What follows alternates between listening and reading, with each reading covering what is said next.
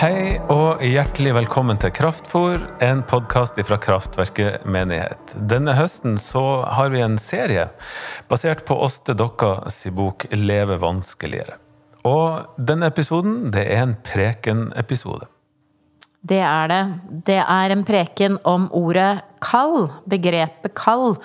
Og det er jo ikke et sånt kjempestort begrep i boka til Åste, men det fins der. Og vi fiska det ut og ville lage det til et tema. Hvorfor, hvorfor eh, tenker du at vi måtte lage et eget tema av det, Kjetil?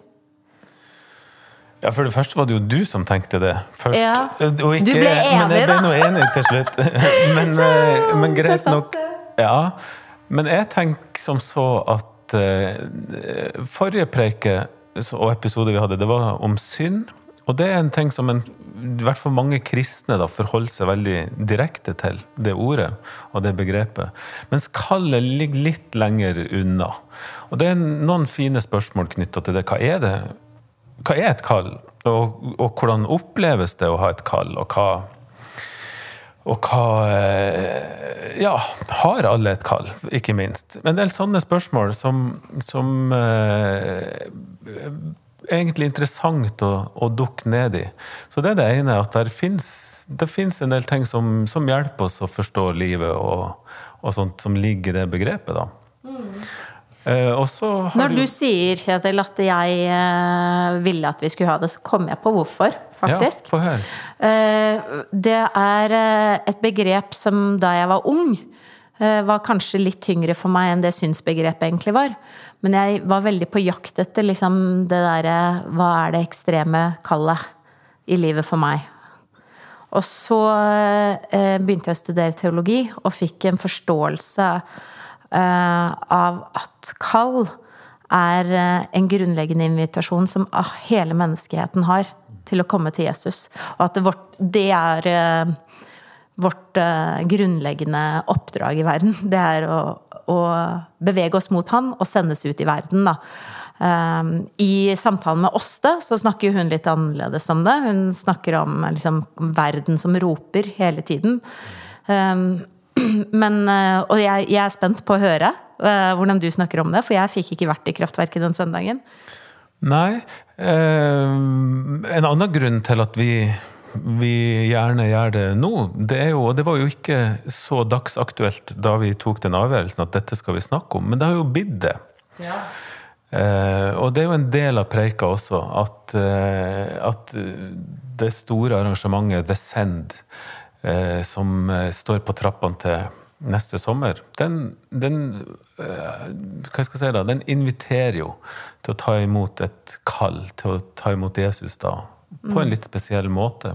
Og dette er det veldig mye bøss om akkurat nå. Ja, det er veldig mye bøss om det, og, og det er som du sier, altså på en veldig spesiell måte, slik at det kallet Det er på en måte, sånn jeg har forstått et arrangement som henvender seg til de som allerede tror på Jesus. Men hva nå? Hvor skal jeg sendes? Hvor skal jeg gå? Hva er eh, mitt oppdrag eller mitt kall i verden, da? Eh, Så det blir spennende å, å følge den debatten. Det virker som den ikke gir seg heller. Um, Kjetil, um, altså eh, Hvordan syns du denne prekenen gikk, da? Hva, Nei, vil du ikke snakke om det? Du har egentlig allerede sagt forrige gang jeg spurte at eh, du prøver ikke forholde deg så mye til det i etterkant. Du jobber veldig hardt i forkant, og så slipper du det litt etter. Ja, det er litt uh, metoden. Men uh, i sånn, i form så er det faktisk litt lenger. Jeg tror du nesten aldri har preika så lenge. Oi. Jeg tror det er 25 minutter eller noe sånt. Og det, det blir gøy. Det er jo grunn til å høre på bare av den grunn. Ja, sånn sett er det et historisk øyeblikk. Rett og slett. Ja, men folkens, da trenger vi ikke si mer om det, annet enn at vi setter over til Kjetils preken fra 14. november i Kraftverket om kall. Men først skal vi lese fra Matteus kapittel 14. Straks etter fikk han disiplene til å gå i båten og dra i forveien over til den andre siden mens han selv sendte folket av sted. Da han hadde gjort det, gikk han opp i fjellet for å være for seg selv og be. Da kvelden kom, var han der alene. Båten var allerede langt fra land, og den kjempet seg fram i bølgene, for det var motvind. Men i den fjerde nattevakt kom han gående til dem, gående på sjøen. Da disiplene fikk se han der, han gikk på vannet, ble de skrekkslagne. Det er et gjenferd, sa de og skrek av angst. Men i det samme talte Jesus til dem. Vær ved godt mot, det er jeg, vær ikke redde. Da sa Peter til ham, Herre, er det deg, så si at jeg skal komme til deg på vannet. Kom, sa Jesus. Peter steg ut av båten, gikk på vannet bort til Jesus. Men da han så hvor hardt det blåste, ble han redd. Han begynte å synke og ropte, Herre, berg meg! Straks rakte Jesus hånden ut og grep fatt i han og sa, Du lite troende, hvorfor tvilte du? Så steg de opp i båten, og vinden stilnet. Men de som var i båten, tilba han og sa, Du er i sannhet Guds sønn. Ja, dere, er det ikke irriterende når store stjerner dør, og alle skal fortelle på Facebook og Twitter eller sånne plasser hvor mye disse folkene har betydd? David Bowie han forandra livet mitt, liksom. Eller ja, det er ingen som har betydd så mye som Leonard Cohen for meg, eller Prince, eller Michael Jackson, eller Amy Winehouse. Jeg syns det er så komisk, for som regel så sier de ingenting mens de lever. Det skjer når de dør. Men nå skal dere høre. Altså, mitt største musikalske forbilde, han er ikke død ennå. Så nå håper dere gjør noen notater, sånn at dere tror meg når jeg en gang i framtida poster min kjærlighetserklæring på Facebook. For greia er denne karen han er snart 80 år, så det begynner å nærme seg.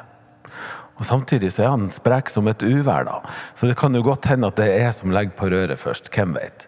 Når det gjelder døden, så er det ingen av oss som har noen garantier. Men hvem er det jeg snakker om? Jeg snakker om Paul McCartney. Da jeg var åtte år, da hørte jeg Beatles-låt for første gang, og jeg var aldeles solgt. Og etter det så har jeg hørt musikken deres om igjen og om igjen og om igjen, og sett intervjuer og dokumentarer og filmer og vært på konserter og jeg vet ikke hva. Og for ei ukes tid siden så dukka det opp et lite klipp på YouTube. Foo Fighters de skulle innlemmes i Rock'n'Roll Hall of Fame i Cleveland, tror jeg det var. Og jeg er veldig glad i Foo Fighters også, så jeg begynte å se. For det var ingen ringere enn Paul McCartney som introduserte bandet. Paul McCartney og Dave Grohl, som er frontfiguren i Foo Fighters, de har blitt skikkelig gode venner. Og i denne lille introduksjonen sin så sier Paul McCartney Da jeg var ung gutt, så hørte jeg musikk som jeg ikke hadde hørt før.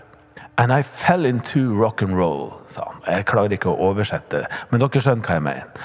Han var helt oppslukt, og dette forandra livet. Og da Dave var på omtrent samme alder, så opplevde han akkurat det samme. Han ble helt oppslukt, han også, og retninga var satt. Da dette skjedde, så ble begge med i et band. Mitt band, ja, det var The Beatles. Og David sitt band, det var Nirvana. Og der må han ta en pause, for folk de jubler hemningsløst når de hører de her to bandnavnene.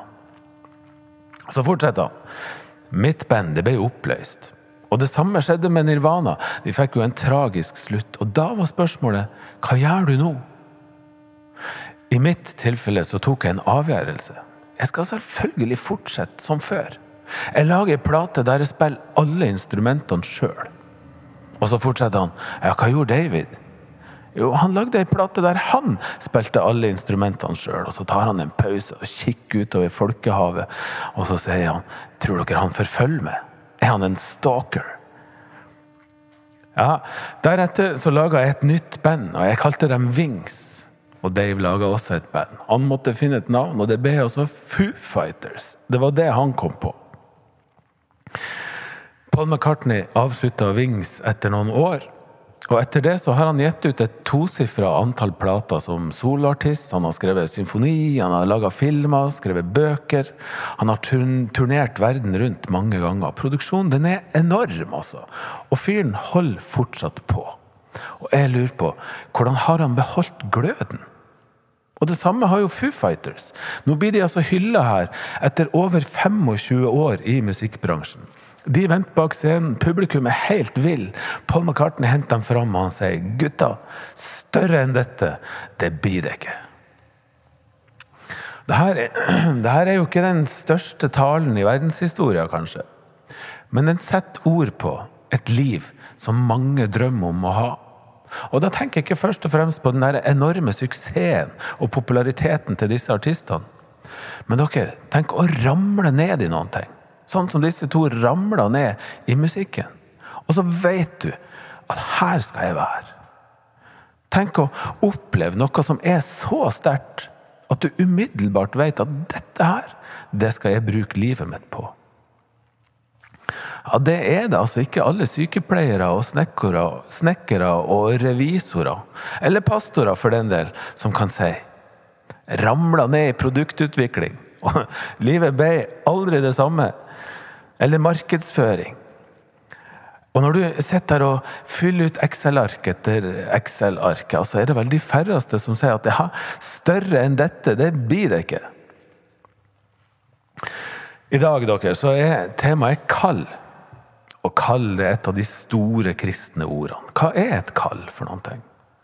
Og har alle et kall over livet sitt? Eller gjelder det bare noen få? Og hvordan oppleves det å ha et kall? Er det noe som gjør at livet forandrer seg radikalt?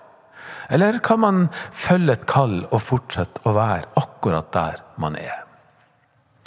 Nå har vi nettopp hørt søndagens tekst. Og den teksten den har jeg lest med kalsbriller på denne uka. Og det er kanskje et, en litt merkelig innfallsvinkel til en sånn tekst. For den historien den handler jo egentlig ser i hvert fall ut til å handle om alt mulig annet. Den handler om et mirakel. Den handler om naturlover som blir oppheva. Den handler en god del om frykt. Og så handler den om Jesus som står klar til å dra opp alle som mislykkes. Men så handler den også om en Gud som sier 'kom'. Og akkurat det, det er jo en Gud som kall. Og hva er vår respons på Gud som kall? Og det har jeg lyst til å snakke litt om. Husker dere fortellinga? Det er jo en av de mest kjente historier i Bibelen. Der Jesus har sendt disiplene ut på sjøen. Og sjøl har han dratt opp i fjellene for å be. Det blåser opp, og båten er langt fra land og kjemper imot bølgene. Det er et ordentlig ruskevær, altså. Og da er det at Jesus kommer gående mot dem. På vannet. Det er jo helt far out, ikke sant? Disiplene, åssen reagerer de? Jo, de ble redde, husker vi. De tror det er et gjenferd. Og så roer Jesus dem ned, og så sier han ta det, ta det med ro, det er bare jeg. Og Peter han blir som vanlig kjempeivrig. Han sier ja, hvis det er du, Jesus, ja, da kommer jeg ut til det. Og da er det at Jesus sier kom. Jesus kaller på Peter. Og Peter klatrer over ripa og setter beina mildt sagt på utrygg grunn. Og der må vi stoppe litt. For jeg lurer på hvem i kraftverket ville gjort det samme? Hvem er det her inne som er villig til å risikere livet sitt for å være der Jesus er? Hvem er det som er klar for å prøve det umulige i tillit til Jesus? Jeg skal tro om det er noen i kraftverket som har en sånn lidenskap som Peter. For Peter han stilte jo ikke spørsmål. Han bare kasta seg ut i det, i tillit og med masse entusiasme. Det var ingen som var mer ivrig enn han. I denne historien så går han virkelig all in. Han kaster seg ut i bølgene. Og jeg lurer på hvem av oss er det som har denne lidenskapen? Ja, nå må dere bare slappe av. Jeg forventer ikke at dere skal svare, og i denne menigheten her så driver vi ikke og rekker opp handa, men sitt nå der og tenk over det likevel. Og hvis noen av dere leser kristne dagsaviser, så vet dere at dette spørsmålet det er ganske aktuelt for tida. Hvem er klar for å gå all in for Jesus? Greia er Neste sommer så arrangerer en rekke kristne organisasjoner med ungdom i oppdrag i spissen noe de har kalt for The Send. Og De har altså leid Telenor Arena, intet mindre. Her skal de samle titusenvis av ungdommer en hel dag. Det skal bli konserter, forkynnelse, lovsang og alle sånne greier. Og slagordet, ja, det er all in. Og på hjemmesida til Descent, der står det, og nå bare leser Der står Vi tror at hver enkelt generasjon trenger å bli kalt og engasjert til radikal etterfølgelse av Jesus. Dette er et kall som får praktiske følger. Descend kobler kallet til tjeneste ved å tilby praktiske steg og oppfølging til ulike misjonsfelt, sånn som nabolag, skoler og unådde, unådde folkeslag. Vi ønsker å mobilisere og aktivere mange mennesker til tjeneste i Guds rike. Det står på hjemmesida. Og jeg lurer på, hva tenker dere? Er det noen som sitter og får lyst til å fære dit? Invitasjonen, i hvert fall, den er helt tydelig. Arrangørene ønsker at norsk ungdom skal få nettopp en sånn lidenskapelig forhold til Jesus. At man går all in. Akkurat sånn som Peter gjorde. Og hva tenker dere da? Hadde det ikke vært deilig å få tent en sånn glød? Kanskje det her, nettopp det her arrangementet kan hjelpe noen til å oppleve noe av det samme som Paul McCartney og Dave Grohl. At man detter nedi ei tru som begeistra så mye at vi vet at her skal vi være. Dette skal jeg bruke all min tid på. Seriøst, hadde ikke det vært utrolig godt? Nå er det mange interessante blikk her, bare for å si det. Det er artig å se på dere. Greia er at det er ikke alle som er glad for dette arrangementet. Reaksjonene de har vært veldig sterke. Nesten daglig så har det blitt trykt kronikker og reportasjer. Og de, de er enten veldig negative, eller så er de veldig positive. Kritikerne, skal vi ta de først, de sier at historien har vist at denne typen arrangement gjør at mange unge mennesker lett kan bli utnytta av sterke ledere. For her bruker man veldig sterke virkemidler i musikk og ord for å få unge mennesker til å ta et viktig livsvalg. Og sånne radikale livsvalg de blir for mange helt umulig å følge i det lange løp. For sånne all in-valg, de er jo helt unyansert. Og livet, det er jo ikke sånn. Livet, det er nyansert. det. livet, det går i faser. Og det er også trua. Det er ikke så enkelt å gå all in for Jesus når du må opp midt på natta og amme en baby, og du ikke har sovet skikkelig på flere uker. Det er ikke så lett å gå all in for Jesus når du har en kjæreste som ikke ønsker å være kristen. Eller hvis du stort sett møter motstand, der lederne har snakka om suksess.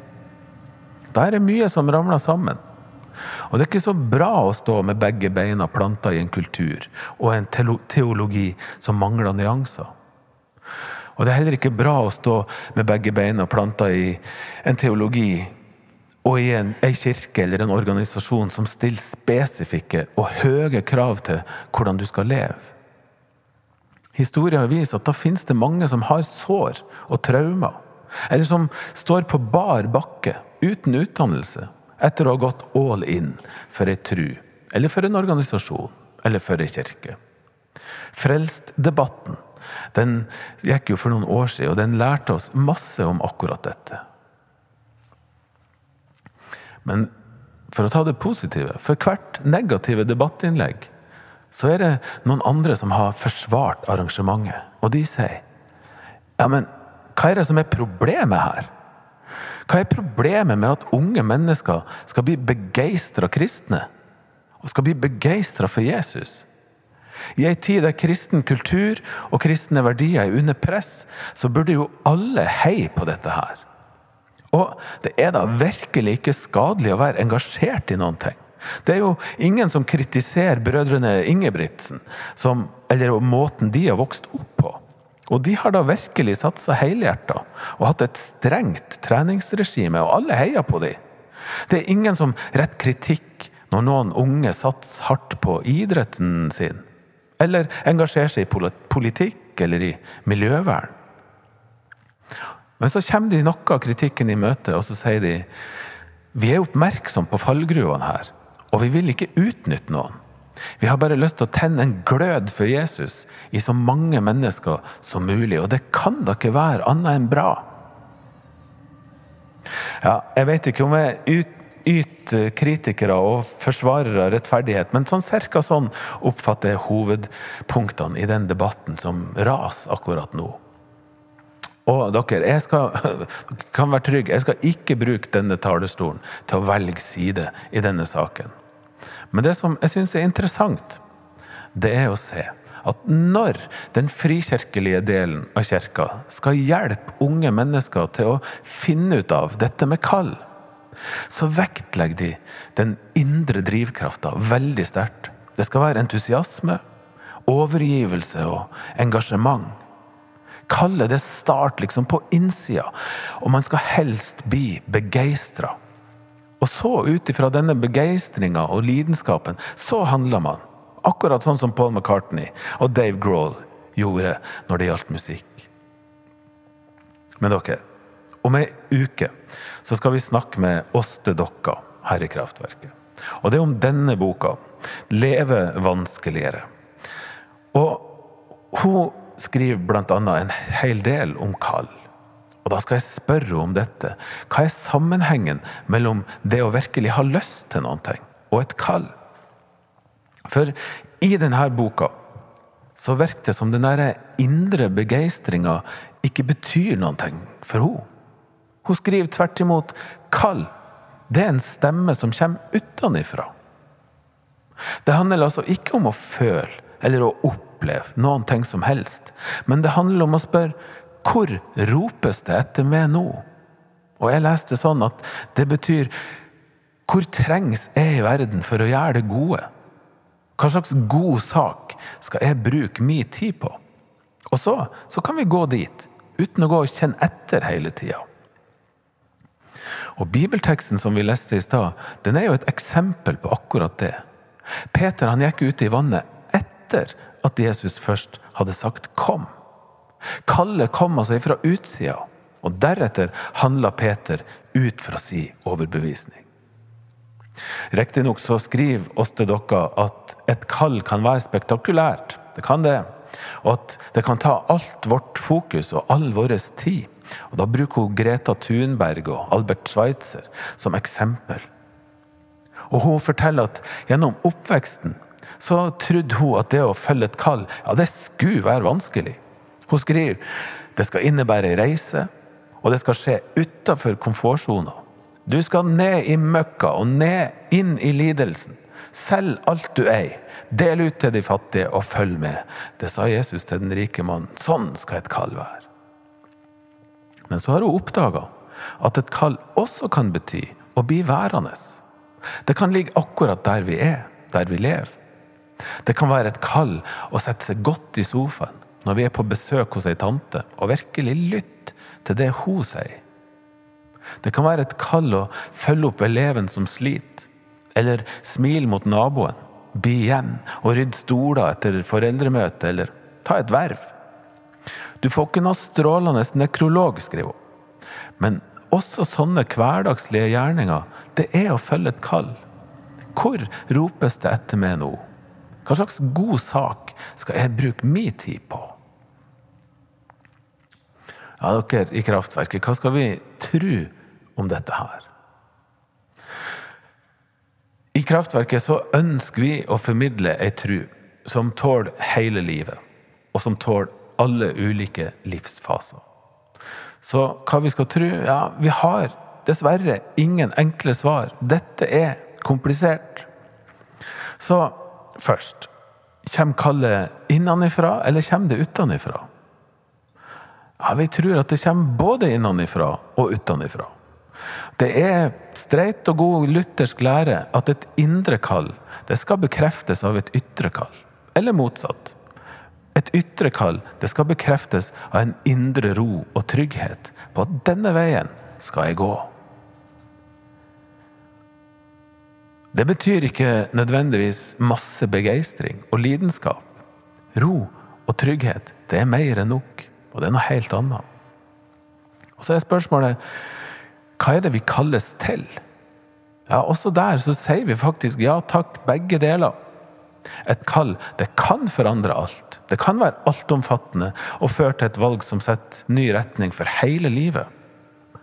Men det å følge et kall kan også bestå av små, enkle ting. Gjort i kjærlighet til Gud og til våre medmennesker. Der vi allerede er. Der det er kjærlighet. Der leves det meningsfulle liv. Og det å skape denne kjærligheten i en helt vanlig revisorhverdag, ja, vet dere hva, det er altså også et kall. Det viktigste vi tror i kraftverket, det er at alle har et kall over livet sitt. Det er ikke bare noen få som har det. Og vi har det samme kallet. Og dette kallet det er å følge Jesus, som sier 'kom'. Det tror vi er alle mennesker sitt djupeste kall i livet. Men hva det innebærer å følge Jesus, ja, det kan se veldig forskjellig ut. Peter han kasta seg ut over ripa. Men denne uka så slo det meg at det sitter jo jammen elleve disipler igjen i båten. Har dere tenkt på det? De var jo disipler, de også. Sjøl om de satt der. Også de fulgte Jesus gjennom hele livet. Men i denne situasjonen så ble de værende der de var. Uten å foreta seg noe spektakulært. Uten å gå all in. Og Jeg har ikke noe forskning på dette. her. Støtter meg ikke på noen ting annet enn hva jeg sjøl syns, og hva jeg tror. Men jeg tror at styrkeforholdet er, må være omtrent sånn. Sånn omtrent 11 mot 1. Kanskje det er noen her i kraftverket som sitter og er helt trygg på hva dere skal bruke livet til. Kanskje noen av dere har ramla ned i noe som det er umulig å komme ut av fordi lidenskapen er så sterk. Akkurat sånn som Paul McCartney en gang gjorde i forhold til musikk. Eller sånn som Peter gjorde i forhold til det å følge Jesus. Og da har jeg lyst til å si at hvis du vet helt konkret at kallet ditt om å følge Jesus det kommer til å innebære noe spesifikt, det ene eller det andre, ja, da har jeg lyst til å si gratulerer. Og må Gud velsigne det. Følg for all del drømmen, og gjør det helhjerta. Og så må du samtidig vite at den lidenskapen du har funnet, ja, det er ei sjelden gave. For de fleste av oss, vi har jo ikke den sånn lidenskap som gjør at vi slipper alt vi har i hendene. Det er jo derfor de fleste velger vanlige ting. Vi blir lærere, og vi blir sykepleiere og sosionomer og pastorer og sånt, i stedet for popstjerner. Og sånn er det jo med trua også. Vi skulle så gjerne gått på vannet, det er ikke det. Men så kommer livet og tar oss. Og livet det er ikke til å spøke med. Det er vanskelig. Det er sykdom. Det er urettferdighet. Det er fristelser. Og det er nattevåk. Og som Åste Dokka skriver, et vanskelig liv det krever vanskelige løsninger. Derfor blir det litt for enkelt å påstå at det å felle Jesus alltid er noe som forandrer alt. Jeg tror likevel at det forandrer noen ting. Alltid. På en eller annen måte og i en eller annen grad så farger det livene våre der vi allerede er. Og også det er å følge Jesus. Også det er å følge et kall. Og nå, ja, nå skal vi ha nattvær. Og da skal vi få tro at Jesus er til stede midt iblant oss. Gjennom brød og vin så skal vi få tro at han sier 'kom til oss i dag'. Og nattverden ja, den gir oss en mulighet til å gå til Jesus.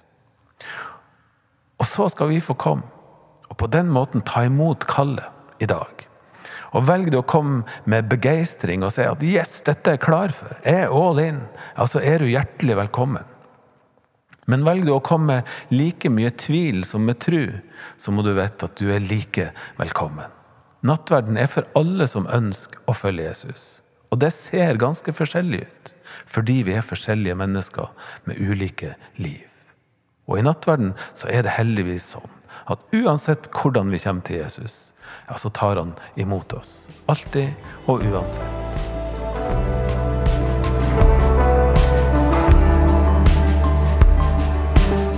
Kraftfor er en podkast fra Kraftverket menighet, ledet av Maria Bjørdal og Kjetil Gilberg. Lydtekniker i dag har vært Ruben Oma, og Kraftverket har gudstjenester klokka 17 hver søndag på Bislett. Og hvis du ønsker å støtte innspillinga av Kraftfor økonomisk, så kan du vippse til 10393. Ønsker du å gi fast til drifta av kraftverket, så kan du gå inn på gitilkraftverket.no. Abonner gjerne på Kraftfor, og tips andre om podkasten.